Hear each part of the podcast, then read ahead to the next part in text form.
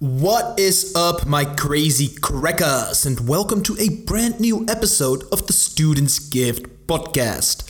As you might notice, I am speaking English once again. And now, if you're getting pretty tired of me speaking English all the time, I suggest that you look at the title of the podcast and see in which language it is. Is it Dutch? Then the episode will also be Dutch. Is it English? Then the episode will also be English. My guest today is the one and only Aslak Utheim Flem, if I pronounced that all right. Probably not. Uh, he is from Norway, and we met each other about two years ago on a beach in Goa. Now, Goa is this crazy place in India where they have these sick psychedelic beaches, and it's uh, I mean, it's quite touristy, but it's it's really cool. They got super bizarre bars and art and restaurants, and it's really uh, fine tuned for those psychonauts out there. So definitely a recommendation for people that are going traveling. And yeah, that's where I met Aslak. We had some very deep conversations when we were there about all kinds of philosophical things, ranging from dinosaurs to surfing to life in general. Today, however, we are covering wildly different topics, namely economics uh, Aslak recently has been really getting uh, delving into economics and uh, investing, finances, and that's what we were talking about today. Now, a disclaimer Aslak is not a professional economist, and neither am I. I am far, far, far from professional. So, uh, yeah, I did learn a lot, but keep in mind that you should always do your own research and come to your own conclusions. Uh, why do I say this? Because the, the, topics that we talk about are pretty sensitive. We're talking about how China and India are becoming uh, economic superpowers, about the instability of the euro, the instability of uh, currencies in general that our whole econom- uh, economy might collapse. We talk a little bit about blockchain. We talk about all sorts of interesting stuff. So if you are uh, keen to learn some stuff about economics, I definitely recommend you to listen to this podcast. And yeah, that's all the blabbering I've got for you today. Uh, that's not entirely true. The quality of this podcast is not as sublime as I record this from Skype, and I kind of fucked up by not taking the voices separately. So my voice has also been recorded through Skype. In the future, I will um, fix this up so that at least my voice sounds normal. But yeah, for this episode, we have to do it with the Skype voices. That's not how Skype voices sound, but yeah, I was just trying to. You know what I was trying to do. All right, without further ado, here is the one and only Aslak Utheim Flem.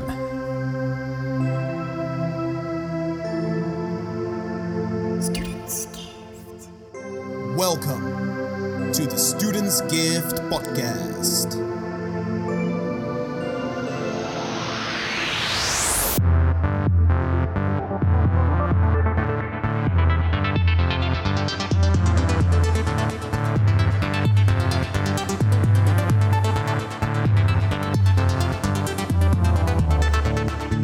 Welcome to the show.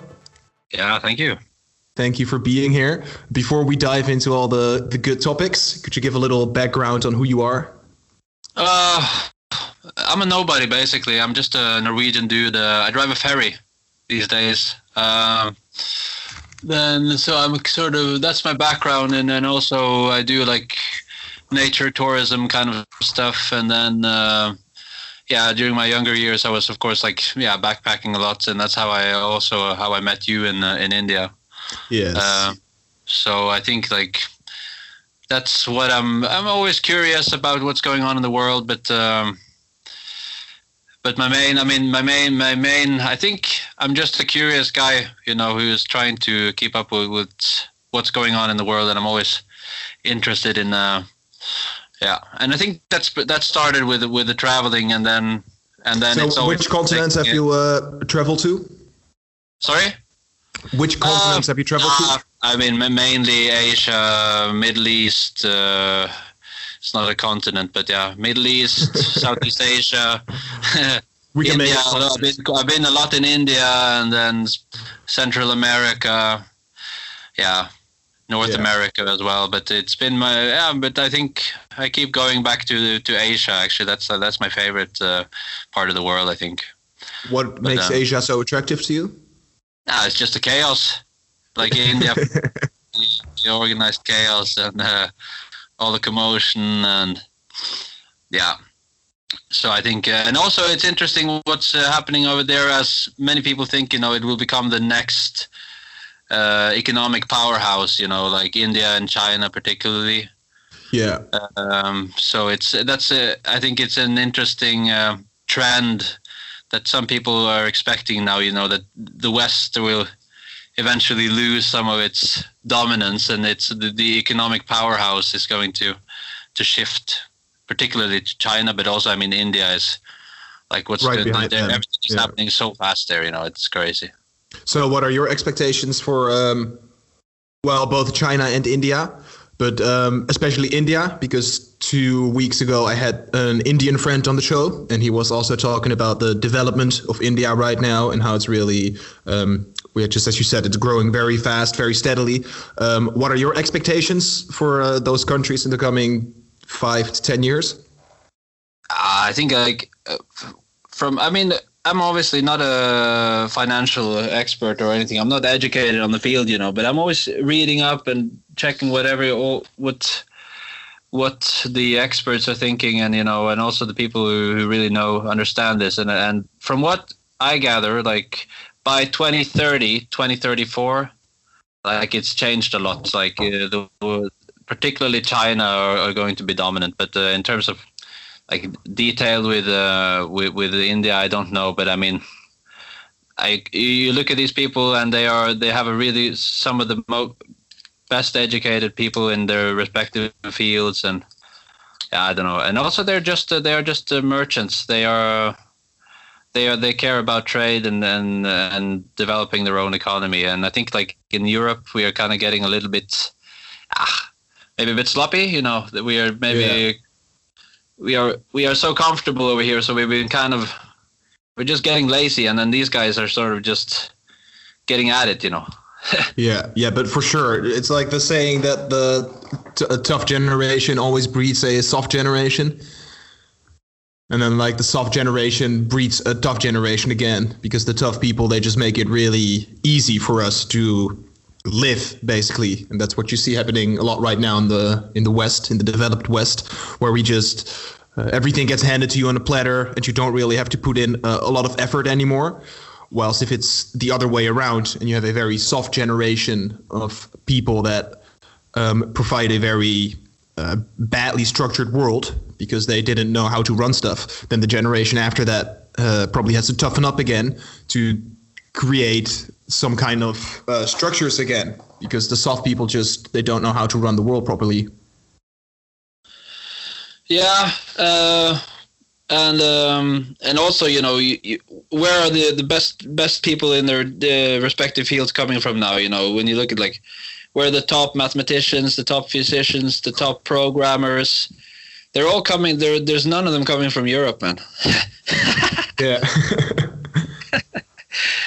so that's um and all, but but I think for me what I've been sort of mostly occupied with or thinking about and, and reading up on now is like is like the the problems in the in the EU and the problems with the euro because I mean if that whole thing like just unfolds then it's going to put uh, Europe like way behind So, so educate me on this a little bit because I haven't really followed the um, European Union that much, and uh, neither the euro.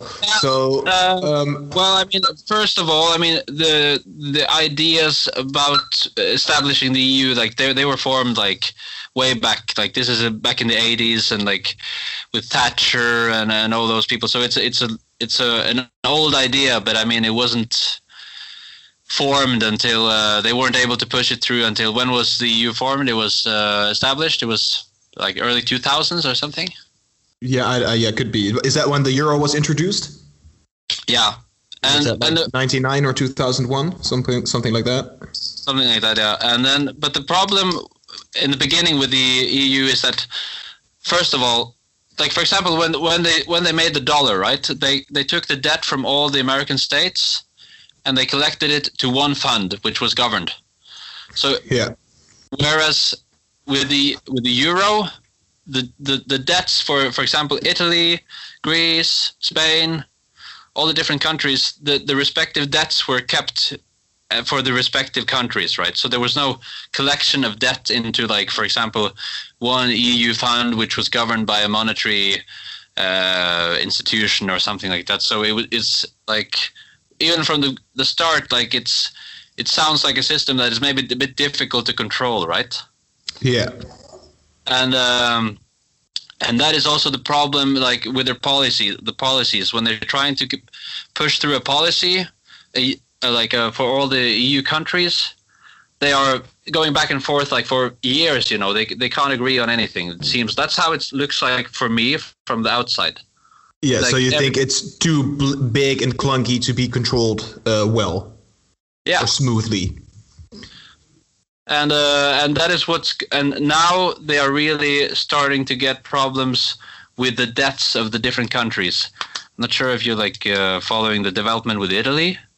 Well, I've heard that Spain and Italy are both um, quite on the uh, downhill trajectory right now, but I haven't really followed it in depth. No, but I mean, I mean, for example, Italy they are paying 130 percent of uh, interest in terms of their GDP. So they are paying more in interest rates, or paying more on interest. Sorry, uh, on their on their debt per year than they are having their uh, GDP. Right. Holy So shit!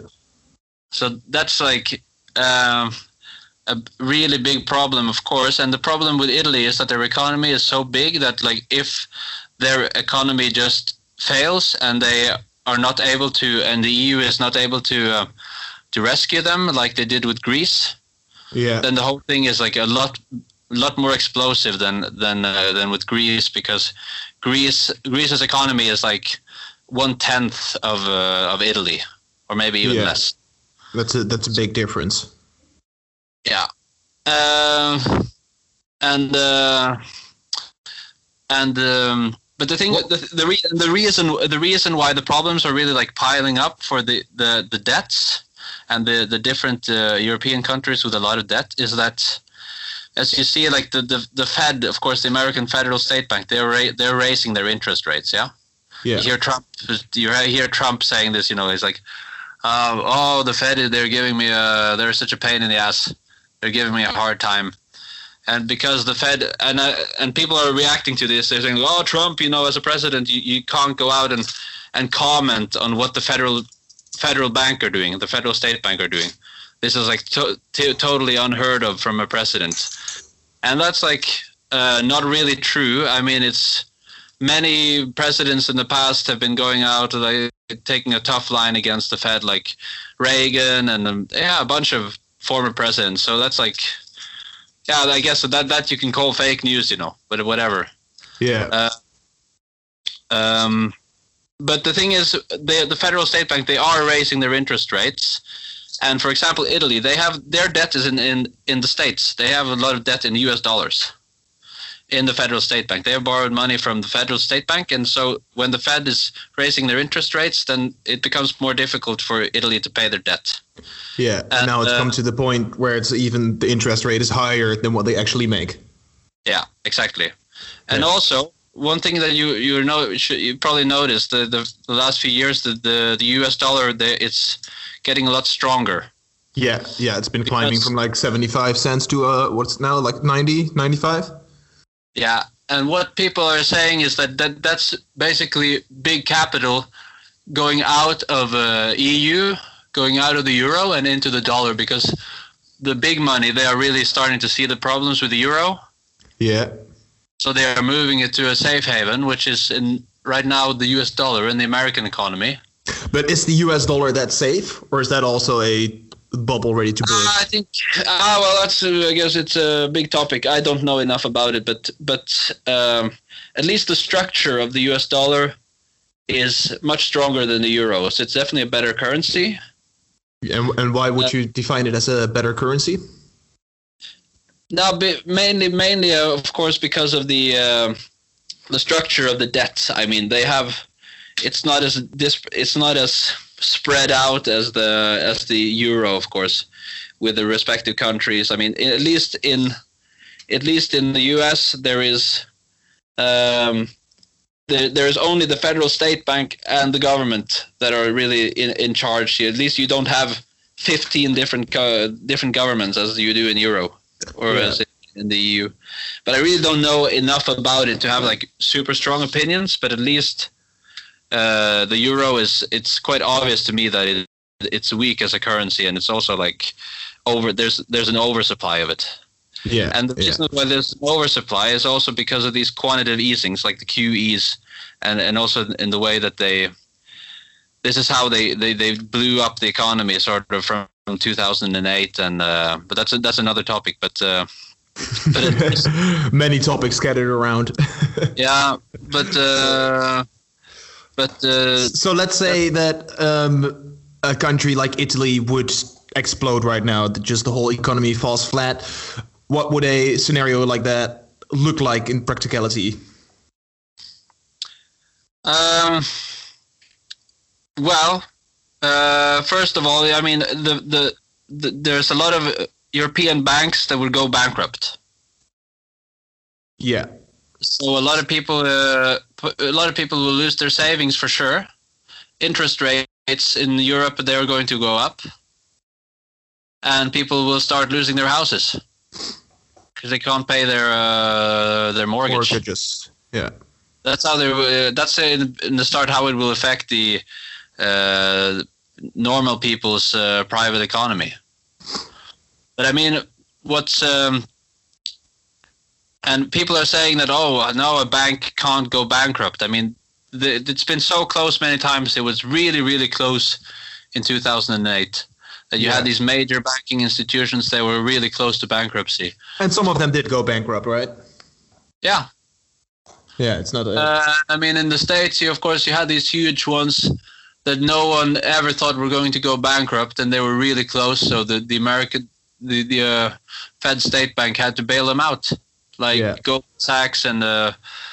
Uh, Lehman Brothers, these yeah. are the investment banks, but also in, in Norway, for example, where I'm from, I mean, this is like not talked about at all. But one of our major banks, it was totally close to bankruptcy. So close, but it was bailed out in the. They just made it out basically. So it's. What's it's the name of the bank? Uh, that's called DNB. So it's called the Norwegian Bank, I guess. Yeah. That's uh, and um, is it right that in Norway a lot of your capital comes from uh, natural resources? Yeah, I mean, what's what's uh, special about Norway is that, of course, like you probably heard that, like for forty years now, we've been pumping a lot of oil up from the North Sea, right? Yeah. And from the beginning, from when they discovered it, the oil in the late '60s, uh, there was a lot of political debates in terms of how we were going to get started with the production on it, because what countries normally do is that they bring in these the the big oil companies like British Petroleum, BP, yeah. uh, ExxonMobil, like the big uh, yeah uh, Halliburton, the big American companies and British companies, um, and this is done private, like uh, in normal capitalistic way. You know, there's no state ownership in these companies or yeah in in the production. But Norway did actually a really good thing at that point. That, um, one of our left wing parties um, pushed through that we, we were going to keep ownership of it. So it's a state. We have a most of it is state owned. Yeah, it's um, been Good nationalized. Um, and so throughout the years, like we built up like this huge uh, fund. Right, it's the biggest fund in the world. It's like what is it now? It's 800 billion kroners. So that's like oh fuck how much is that in uh in euros or in dollars um let's see it's uh close to trillion uh, anyways you can check this up but it's the it's the biggest um, biggest fund in the world and this fund is basically what we live off of in terms of like every um whenever the government comes out with their uh, um, new budget Yeah. for the next four years and the government spending and all that, that's all actually pure interest from the fund. Oh, geez, nice. So that's like an index fund, or what kind of uh, is it like venture capitalist? Uh, how do you call it? Like, uh, what kind of fund is it? Uh, well, uh, I think it's uh, not really sure what it is, but the thing is, I guess it's an index fund. The thing is, they changed the policies for this fund in terms of how it's invested, right?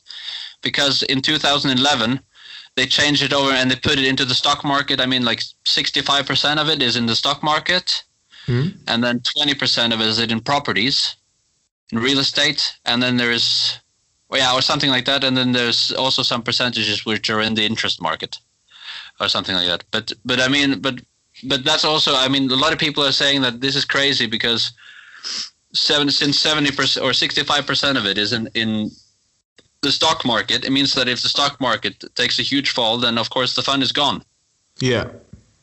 which is actually which is true. But the thing is, um, they don't really have a, another choice, a better choice at this point because and this is what's this is what's interesting about what's happened uh, in the economy since these quantitative e- quantitative easings, the QEs, because they really uh, and we can get back What's to a what, quantitative easing? a QE is when a central bank, like the federal, like the Fed, like the federal state bank, or another major uh, central bank. I guess in Holland you also have a central have central banks. Mm-hmm. Uh, and they, in order to stimulate the economy, and this was what happened in the 2008 because the economy was really, really uh, struggling. So what they did was that the federal banks they bought a whole lot of government bonds in order to stimulate the economy. So they just, even though these government bonds were worthless, they still bought them like with fuckloads of money because these money could then be spent by the government to, for example, bail out a bank Yeah. or to stimulate the money in, an, in a different way, or stimulate the economy in a different way. But what? But the, th- the thing is, the QEs they are like a really controversial topic because it's ne- it's it's never been done before. It's like a modern experiment. So, um, uh, what it's done is that it's it's whereas if you went before to an investment bank and you said, okay, I have a twenty thousand dollars, I want to invest them in in in stocks and then he would say ah well that's not such a good idea but i, I, I will i will put maybe 60% of your money into stocks and then i will put 40% of your money into bonds in the bond market Yeah. because then if the there was like an it was like almost like a, a law there a rule that if if the if the um, stock market crashed the bond market would perform well and also the opposite way Yeah. Exactly. like it, it was like a safety, right? Uh, but whereas today, because of these QEs, say for example, it kind of says itself, right? If a, a central bank goes in and buys a lot of bonds, government bonds that it doesn't really believe in its value, but they still go ahead and buy it, that of course, of course, destroys the market. So, So, so how, how does that work? You say if the bank buys government bonds it doesn't believe in, it destroys the market. And it destroys the market in the sense that now the bond market is no, it, there's no safety in that. okay, right? yeah, yeah, So because because the QEs and all this money that was going in flowing into the bonds, it's like it's destroyed the, the function of it. It doesn't. I it's I guess it's a bit difficult to explain, but it doesn't operate like, like, a bubble. It fills it with air, just nothing. Yeah. yeah. I guess so. It's inflated, and Yeah. also you see the stock market is it's rising rising rising. It's the highest it's been in. You know, it's it's ten years since it's had a, a major correction, which is abnormal because normally it follows these eight point something years corrections, right? So it's already.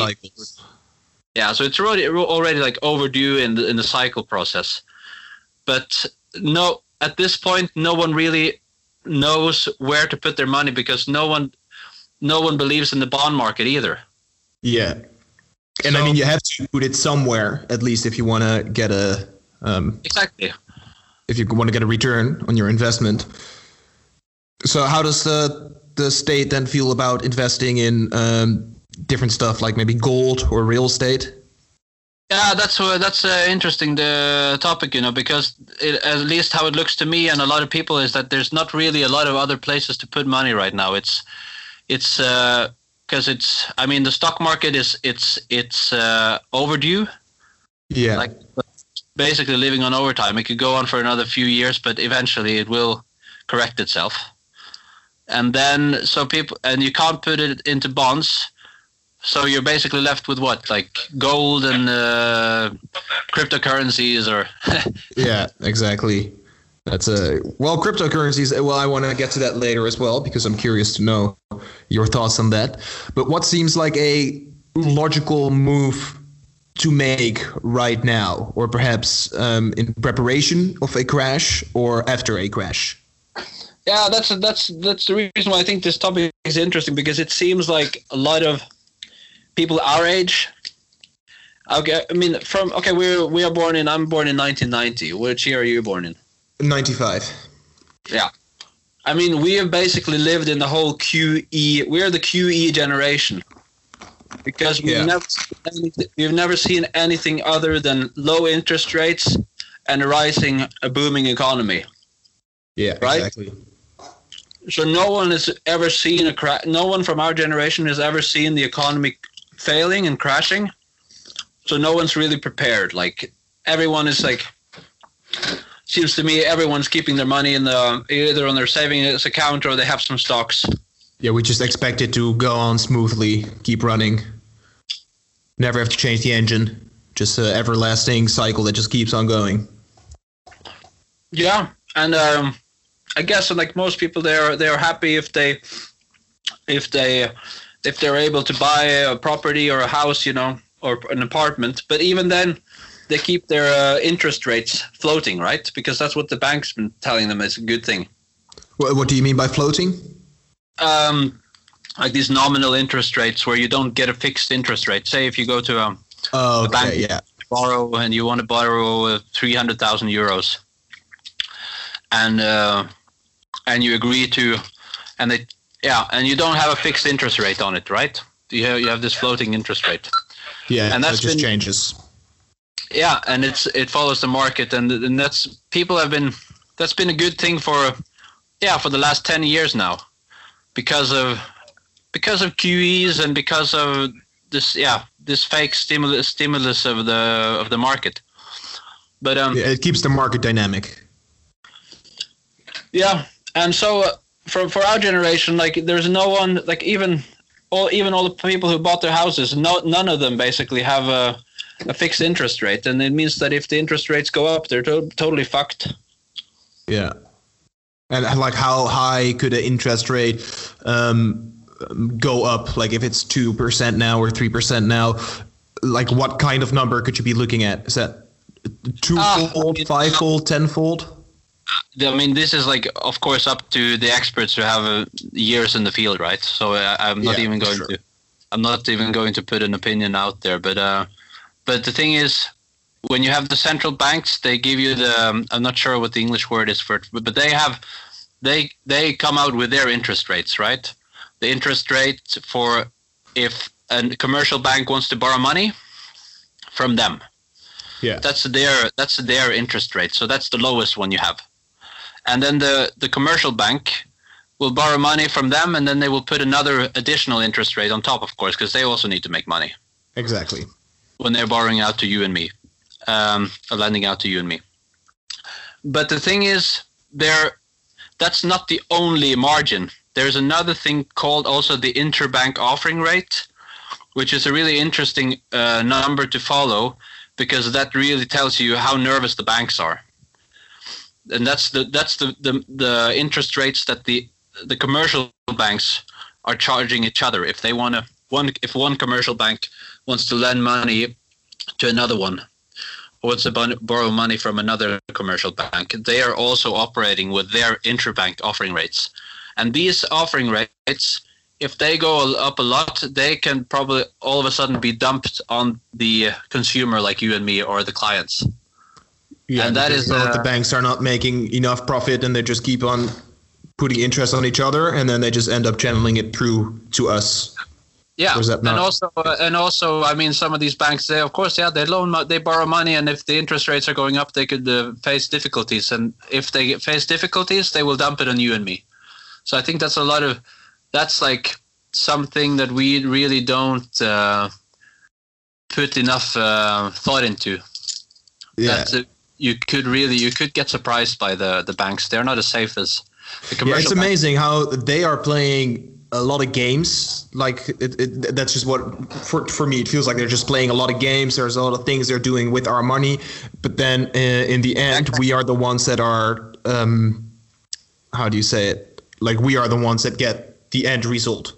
So Yeah, they, they play with the money, they get the profit, but we are the ones that pay the price if something goes wrong. Yeah, it's it's interesting if you, that you say that because the thing is, today there's almost no difference between an, in between an investment bank and a normal commercial bank, because there is like if you go back in time, like to like the 60s, 70s, there was something in the U. There was a, a law in the states which was called um, the Bretton Woods Act or something like that, and it was basically there was really strict laws in terms of what a commercial bank could do with their money as as opposed to an investment bank. An investment bank is of course what it sounds like from the name of it. Like i mean they they do a lot of yeah investments maybe risky investments but they are always trying to trying to to make make money from investments whereas a commercial bank they had a lot of regulations to follow right? Because they were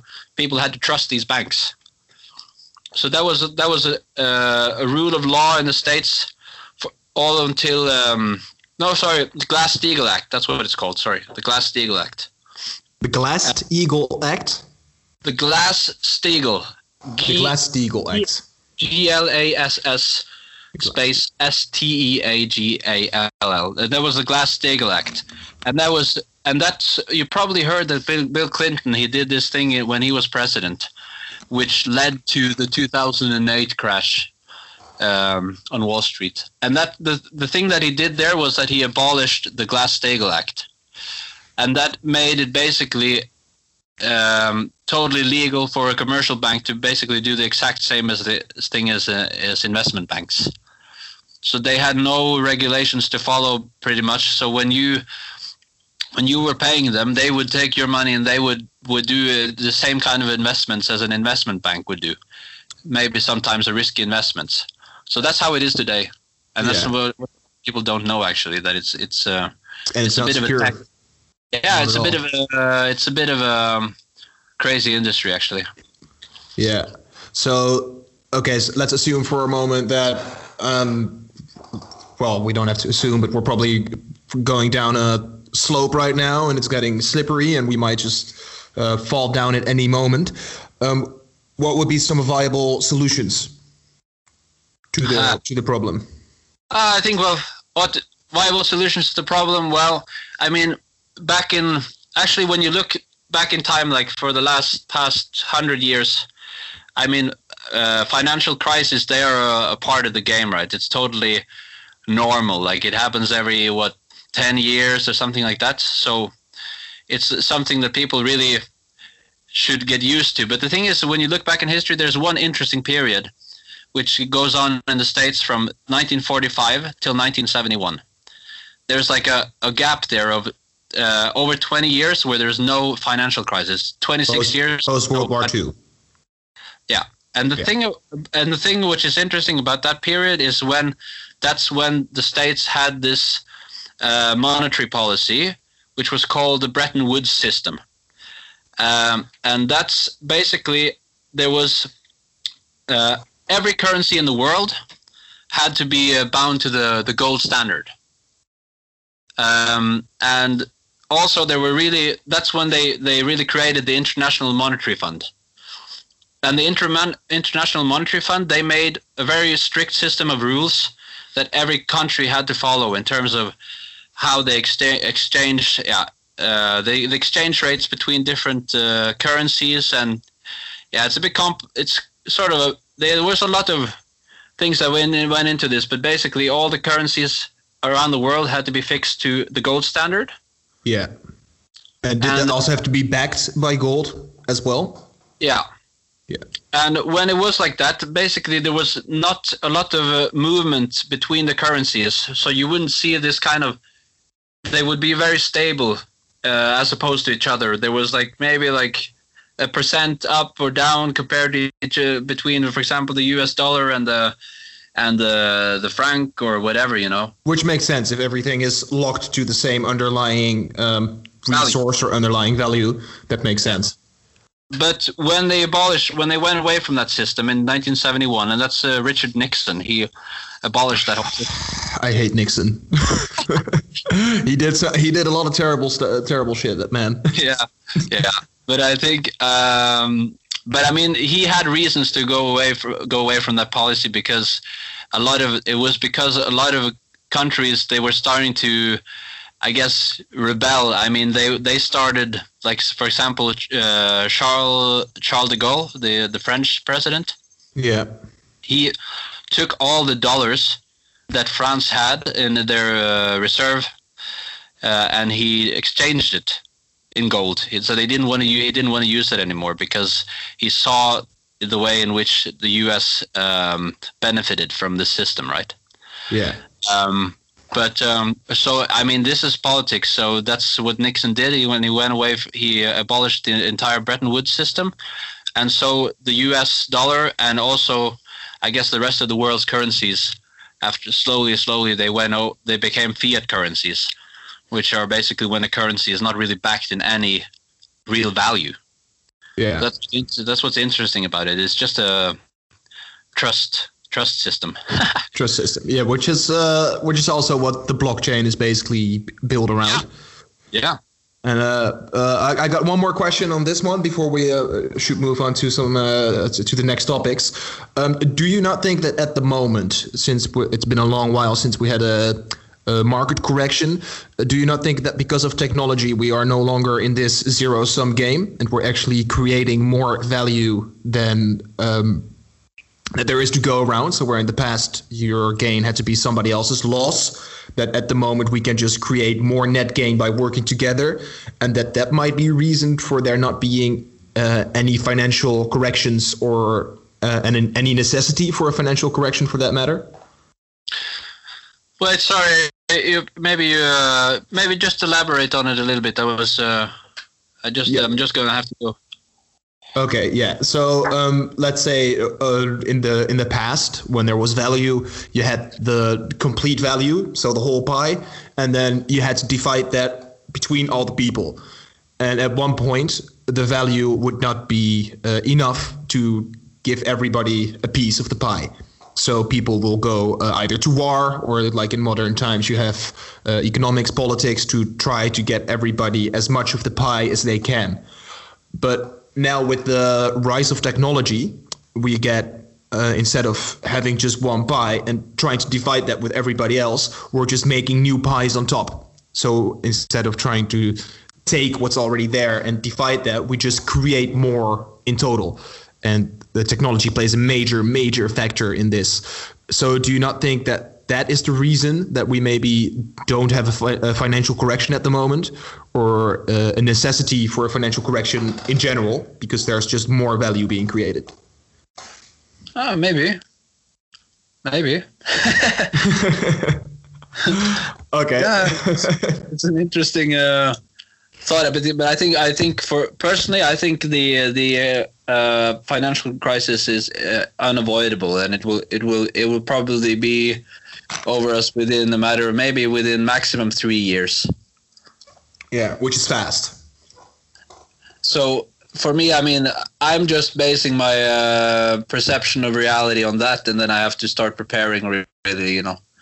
Um, and there are ways in which you can prepare. Of course, like, of course, you can you can make some choices like with your money. You know, you can of course maybe you can you can buy some gold, whatever, this kind of yeah. stuff. But also maybe maybe what will happen with the uh, the the blockchain world and the cryptocurrency world is that maybe it will react and totally take off if the uh, if the fiat currencies uh, crash.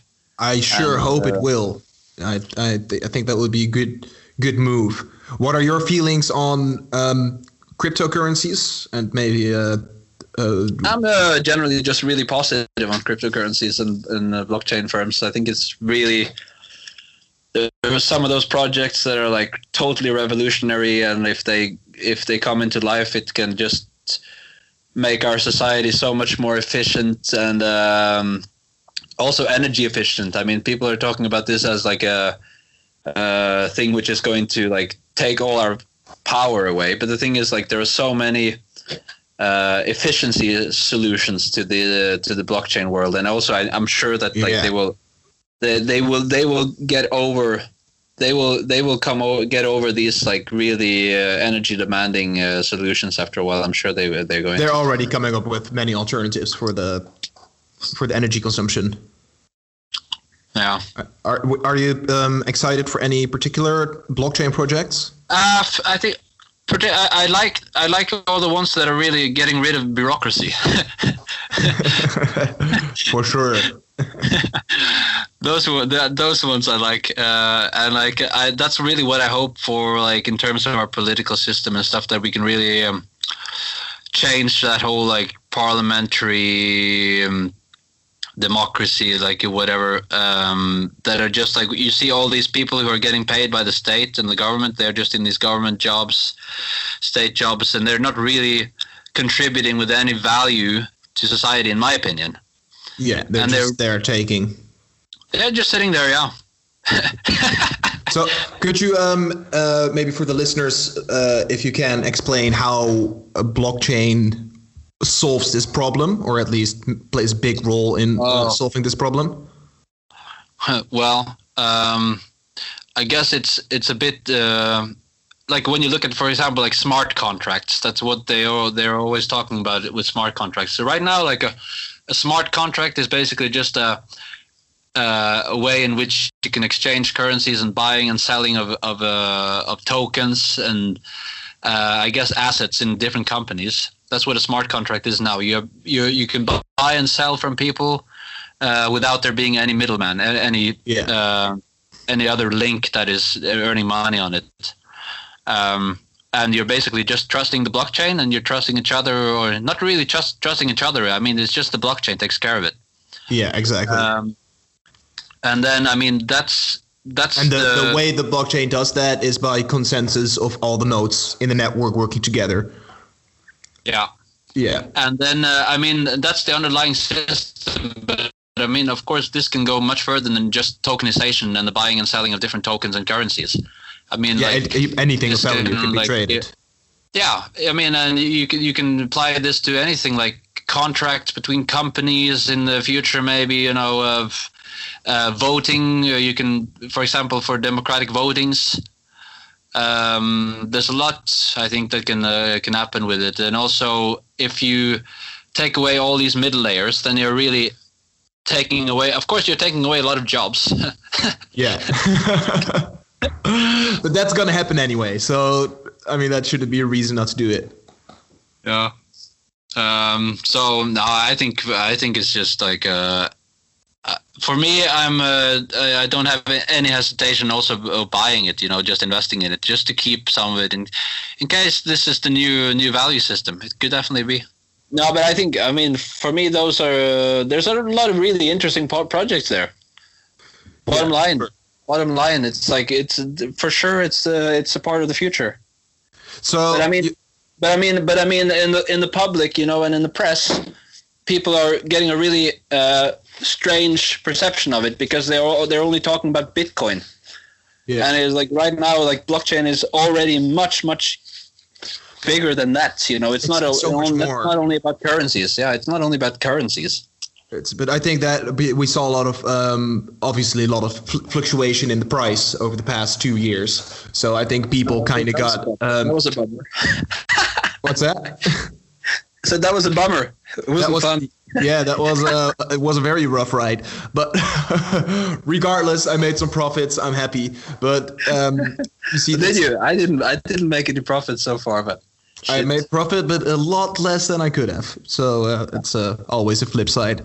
But any anyhow, so the price uh, has been very uh, it's been going up and down for a while, and I think right now it's kind of stabilizing. The buzz around it is kind of uh, come to an end, and now the technology is actually starting to develop as it.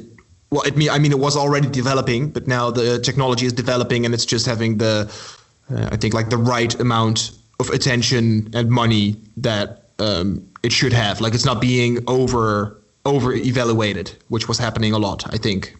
Yeah. No, but also now, I mean, the the real now the big money are really they're coming into this uh, sector, you know. So it's yeah. I think yeah, I think uh, there's no doubt that uh, there's a lot of uh, big players that have uh, faith in it. So it's gonna. I think it's gonna be the future. It's a solid. The technology just yeah, it sounds solid. Yeah, and uh, I mean, okay, one project, for example, that I, I find interesting is uh, it's a company called Oyster Pearl. Yeah. Uh, and they make this. They are trying to basically um, make uh, web hosts make money from from visitors in terms of in other means than just with ads, right? Because today, if you have a if you have a website, the only way you generate money from that is that it, by the people who from the people who visit your site. You, I mean, uh, an ad company they will say, "Oh, we see you have so this many visitors to your site website, so we're going to pay you this much money."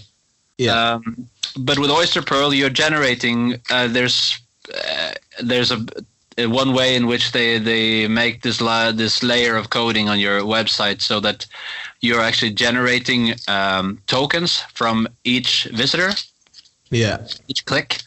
And then by the end of the day or the end of the week, you can take these uh, tokens and you can just send them into uh, an exchange and exchange them for Ethereum, and then you you can exchange it for money. So yeah, that's uh, that's awesome. Ethereum.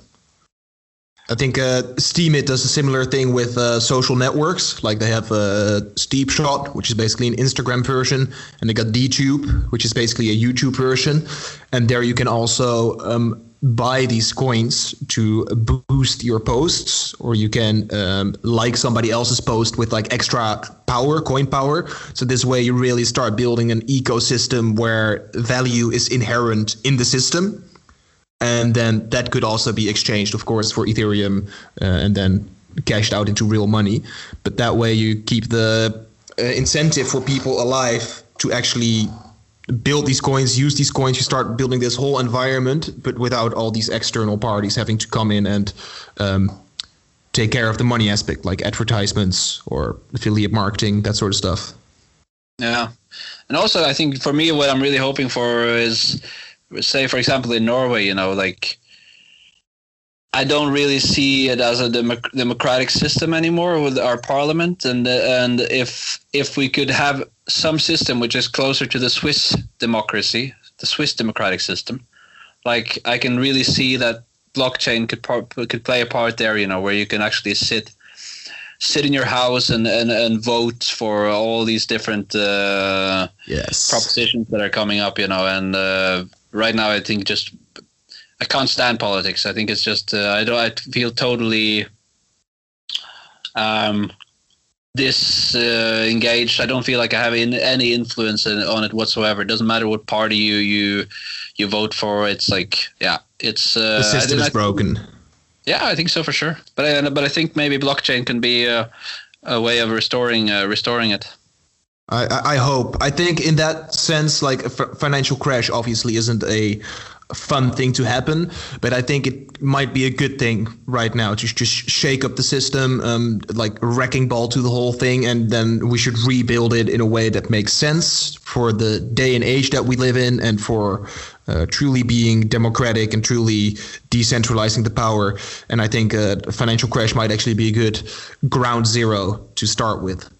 Yeah, exactly. I've been thinking the same, but I think it's going to be when it comes, it's going to get rough for sure because yeah, it's going to get very like, rough. Particularly in Europe, like we normally do in Europe, is that when things go bad, we start blaming these minority groups. yeah, which are a lot right now. so um, yeah, I think it's going to get a bit uh, rough. All right, I want to be uh, mindful of your time, so I got uh, two more questions to wrap it up with. Um, the first question would be like, what gets you excited at the moment? Oh, what, get what gets me excited? Um, right now, I'm excited about. Um, oh, um, no, I think I think for me right now, I'm just too focused on really these kind of. Um, I'm not really excited about the future. I think it's it, it looks a little bit. Uh, a little bit like a roller coaster, but I mean, I mean, meanwhile, I'm just going to focus. I think on my my own uh, survival skills and also just yeah learning how to take care of uh, take, take care of myself independently of the economy basically. That's what i'm focused on these days. Even stuff like learning to hunt learning to slaughter an animal uh, learning to grow your own vegetables uh, all this kind of stuff yeah all this kind of stuff I think there's some wisdom packed in there, even for the people that are listening now and think like, I would never hunt an animal or slaughter my own animal. But it would probably be a good move to right now just see if you could simplify your life in a sense. Maybe live in a smaller apartment, maybe live on less food, less clothes, like kind of get used to how it is to live more basic. Because I feel if everybody um, would know how to do that, that could also prepare you in some sense for a crash. Yeah, definitely. You know, if you got I all this stuff that you need to keep, uh, like you have a big house and you got like all this tech and everything needs to be repaired and needs to be uh, maintained, that's going to be a very heavy, heavy burden.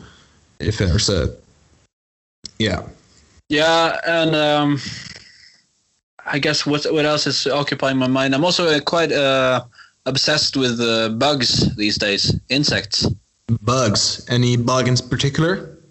Uh, I would say uh, grasshoppers or um, uh, tapeworms or these like protein worms. Yeah. Um, because I don't know if you. I mean, I think that's definitely part of a uh, part of uh, our um, way of saving ourselves from uh, destroying the world. I think we have to start eating bugs as okay, as a food resource food resource and also like it's here in Norway you know there's like a hu- one huge industry which is the the fish farming industry. Yeah. And it's it's massive basically you know.